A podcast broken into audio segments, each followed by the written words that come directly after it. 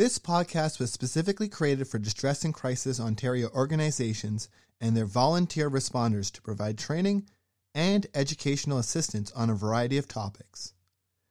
As information evolves and changes, these podcasts are meant to offer ongoing support with the goal of updating them on an ongoing basis.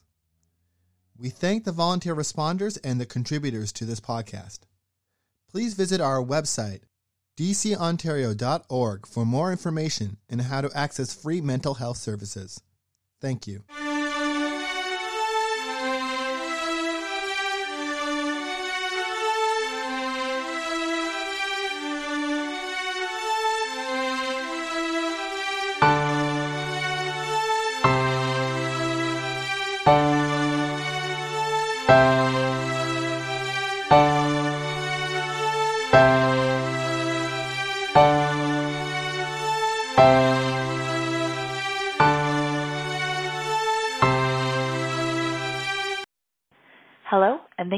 Choosing to listen to our podcast.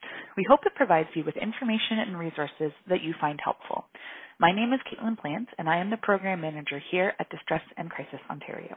Last week, Ontario received the news that we have entered a modified Step 2 of the roadmap to reopen, with part of this movement being that all publicly funded and private schools have moved to remote learning starting on January 5th until at least January 17th subject to public health trends and operational considerations.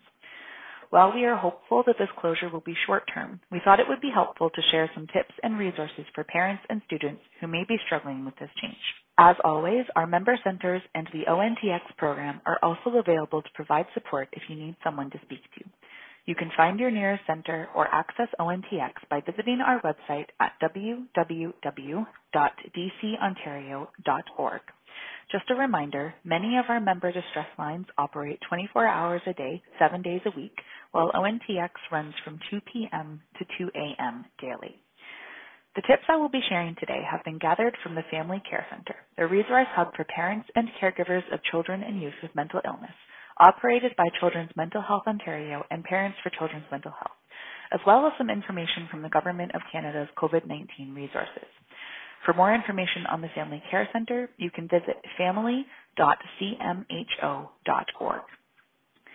While attending school remotely may not be a new experience for all of us, many families struggle with the challenges associated with learning from home. It can be reassuring to know that you and your child or children are not alone in feeling frustrated, overwhelmed, angry, sad, stressed, or any other number of emotions related to remote learning.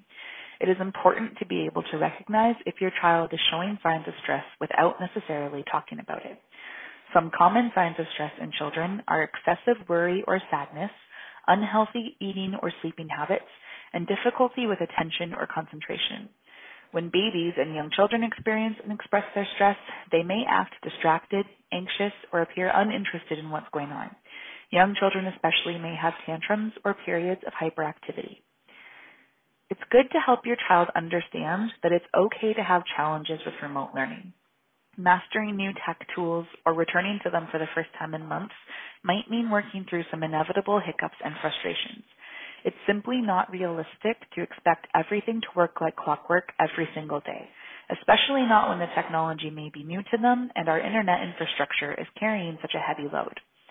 You can work to minimize any tech anxiety your child may be experiencing by helping them come up with a plan for dealing with any unexpected glitches. It's a good idea to come up with this plan ahead of time as opposed to trying to brainstorm solutions in the moment when everyone's feeling stressed. Find out what kinds of supports are available to you and your child through your child's school or school board, and consider what additional forms of support might be available to your child. For example, the ability to seek help from a friend or family member who is particularly tech savvy. If possible, help your child to familiarize themselves with the features and functions of their learning platform. If age appropriate, ensure that they know how to perform basic tasks like submitting their work, uploading a file, sharing a photo, and so on. It's much easier to master these skills when you're able to practice them at a relaxed pace. You might also consider creating a tip sheet or checklist to guide your child through any tasks that they find particularly complicated or confusing. Remind your child that they aren't the only one finding this hard. You don't want your child to assume that everyone else in the class is finding this easy and that they are the only one who is struggling. Odds are that's simply not the case. Encourage your child to connect with friends and or classmates virtually or over the phone to talk about their feelings and seek out suggestions for how to cope. You can also help your child to figure out what is and isn't working. Focus on celebrating what they've already overcome and try to put a plan in place to mitigate what they're still finding hard about remote learning. Also encourage your child to communicate with their teacher. The teacher needs to know what is and isn't working for your child. Your child might find it easier to be open about their struggles if you let them know that other kids are experiencing the same kinds of challenges, and that the more everyone communicates with the teacher, the easier it will be for their teacher to make things better for everybody. Don't expect your child to work through these kinds of tech challenges quickly, easily, or on their own. Have realistic expectations of your child and be ready to step in with the necessary support. Here are some additional tips for supporting your child or children through remote learning. Manage your expectations. Some children really struggle with remote learning, and we may need to lower our expectations for them. This could mean a teen who can't get out of bed at all and is struggling with severe depression might have to drop a course this term. A child may need to opt out of their second half of online class because they need to be moving and actively engaged in a different way to learn. In the long term, children will benefit from feeling successful if academic expectations are lowered and the courses or content they might miss in class can be retaken or retaught. It's okay to make your child's mental health the priority as you continue to parent through a strange and uncertain time. Ask what they think they need to feel better about this period of remote learning. Asking open-ended questions around your child's learning needs will encourage them to fill in the blanks. Maybe they need extra support to adapt the virtual classroom to their learning style, more time to practice self-care at home by reading together or watching a favorite movie, support connecting with friends, or building in extra family time away from the virtual classroom. It's also important to protect your family's downtime. You don't want your children to feel like they're living at school. They need time off to relax, unwind, and generally enjoy being kids. It can be helpful to wind up the school day with a predictable ritual or activity, perhaps singing a song or heading out the door for some family time outside. Another useful tip is to encourage media breaks. For many of us, we know that our kids' screen time has increased significantly during periods of remote learning. It can be a draining experience for some kids, and the blue light from screens can impact a child's sleep, all of which can affect their mental health. This is especially important if a child is participating in online learning from their bedroom. Try carving out scheduled time within the day where the family agrees to decrease screen time, such as collectively putting phones away for specific periods of time or creating dedicated screen-free zones in the house to focus on in-person connection time. Think creatively about how you can turn these screen-free times into ways to connect with each other. Play a board game, do a puzzle, or get outside together. Parents may find that media breaks are beneficial not only to kids, but for themselves as well. Make room for physical activity too. It can be difficult to stay focused and connected for long stretches of time in a virtual learning setting at any age. In class, your children would get opportunities in the day to stretch their legs, whether it's from moving class to class or having recess or gym time. It may help reset their focus for the day to have opportunities to stretch, go for a walk, or get in any kind of physical movement. There are lots of YouTube dance and exercise videos for children and teens to help get them moving. Little children especially find it challenging to sit still for long periods of time. Easing that expectation of them may help to reduce some stress. Support your child or children in staying connected. For older kids and teens especially, it can be tough not to have access to the social connections they have at school. Encourage them to talk about how difficult it can be to be disconnected from their peers and help them brainstorm ways they might feel most comfortable reaching out to their friends. Working with your kids to come up with creative and diverse ways for them to stay connected may help ease anxiety they feel around missing their social connections. Tuck your child's learning materials out of sight when it's time to switch into family mode. This could be as simple as putting learning materials in a drawer but try to choose a visual cue that will encourage your child to shift gears at the end of the school day. Encourage your child to speak openly about any challenges or frustrations they are experiencing. In addition to validating their feelings with phrases like, it makes sense that you're feeling frustrated, it's so annoying when your computer keeps crashing, you can help your child to brainstorm some possible solutions, like reaching out to the teacher to see if other students are experiencing the same problem. You want your child to recognize that it's possible to find a way to make things better, even if a particular problem feels completely overwhelming at first.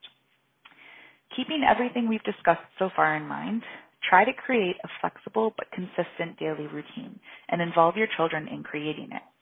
Asking for their input and allowing them to make decisions helps build their self confidence. Set up a schedule that includes their school activities, physical activity, and some free time. This can help children feel more secure. Finally, it's important to recognize that there's no such thing as a one size fits all approach to online learning. Not only does every child engage with learning in their own unique way, but teachers are also having to utilize a whole new set of skills to engage multiple students at once in online learning. The situation is really challenging for everyone. It may help to connect with your child's teacher to make sure they have a sense of who your child is as a person. Knowing what types of topics, activities, and subjects are particularly interesting for your child may make it easier for the teacher to engage your child remotely. Let your child's teacher know if you have concerns about your child's level of engagement. Look for opportunities to both identify the source of the problem and to propose some possible solutions. As important as it is to be supportive of our children and their potential struggles, it's equally important that parents are taking care of themselves. Self care is important as it allows us to better support others. Parents and caregivers take better care of their dependents when they take care of themselves too. Eat well, get enough rest, take breaks, and do something fun or relaxing. Be extra kind to yourself if you find that you are struggling and remember you are not alone in this. It's important to know your limits to avoid potential burnout. Don't always immediately rush back to work or chores when your child is safe by themselves, for example, napping, or being looked after by an alternate caregiver. When possible, take a moment to yourself to recharge. It will help you be in better shape to respond to your child's cues and reduce your stress levels therefore also potentially reducing your child's anxiety. Do your best to connect with others, virtually, over the phone, or in person with the appropriate safety measures in place. Remember that you are not alone. You can find support and relieve stress by talking about your feelings and concerns with your friends and family. Talking to others about your emotions can help you respond to, process, and address them better. If needed, schedule time in your daily routine to refocus yourself. Try practicing a one minute mindfulness activity. Notice your thoughts, how you feel emotionally, if your feelings are happy or not, how your body feels, and anything that hurts or is tense. This will help you notice when you need to relax your muscles and will leave you feeling grounded. Some individuals may use substances such as alcohol and cannabis to cope with stress and anxiety during difficult times. While the use of substances to unwind is understandable in moderation, excessive substance use presents potential health risks and can negatively impact your mental health and well-being. If you use substances to reduce stress, do your best to minimize the amount and frequency that you consume and try to avoid using these substances around children. Again, it's important to remember that support is available.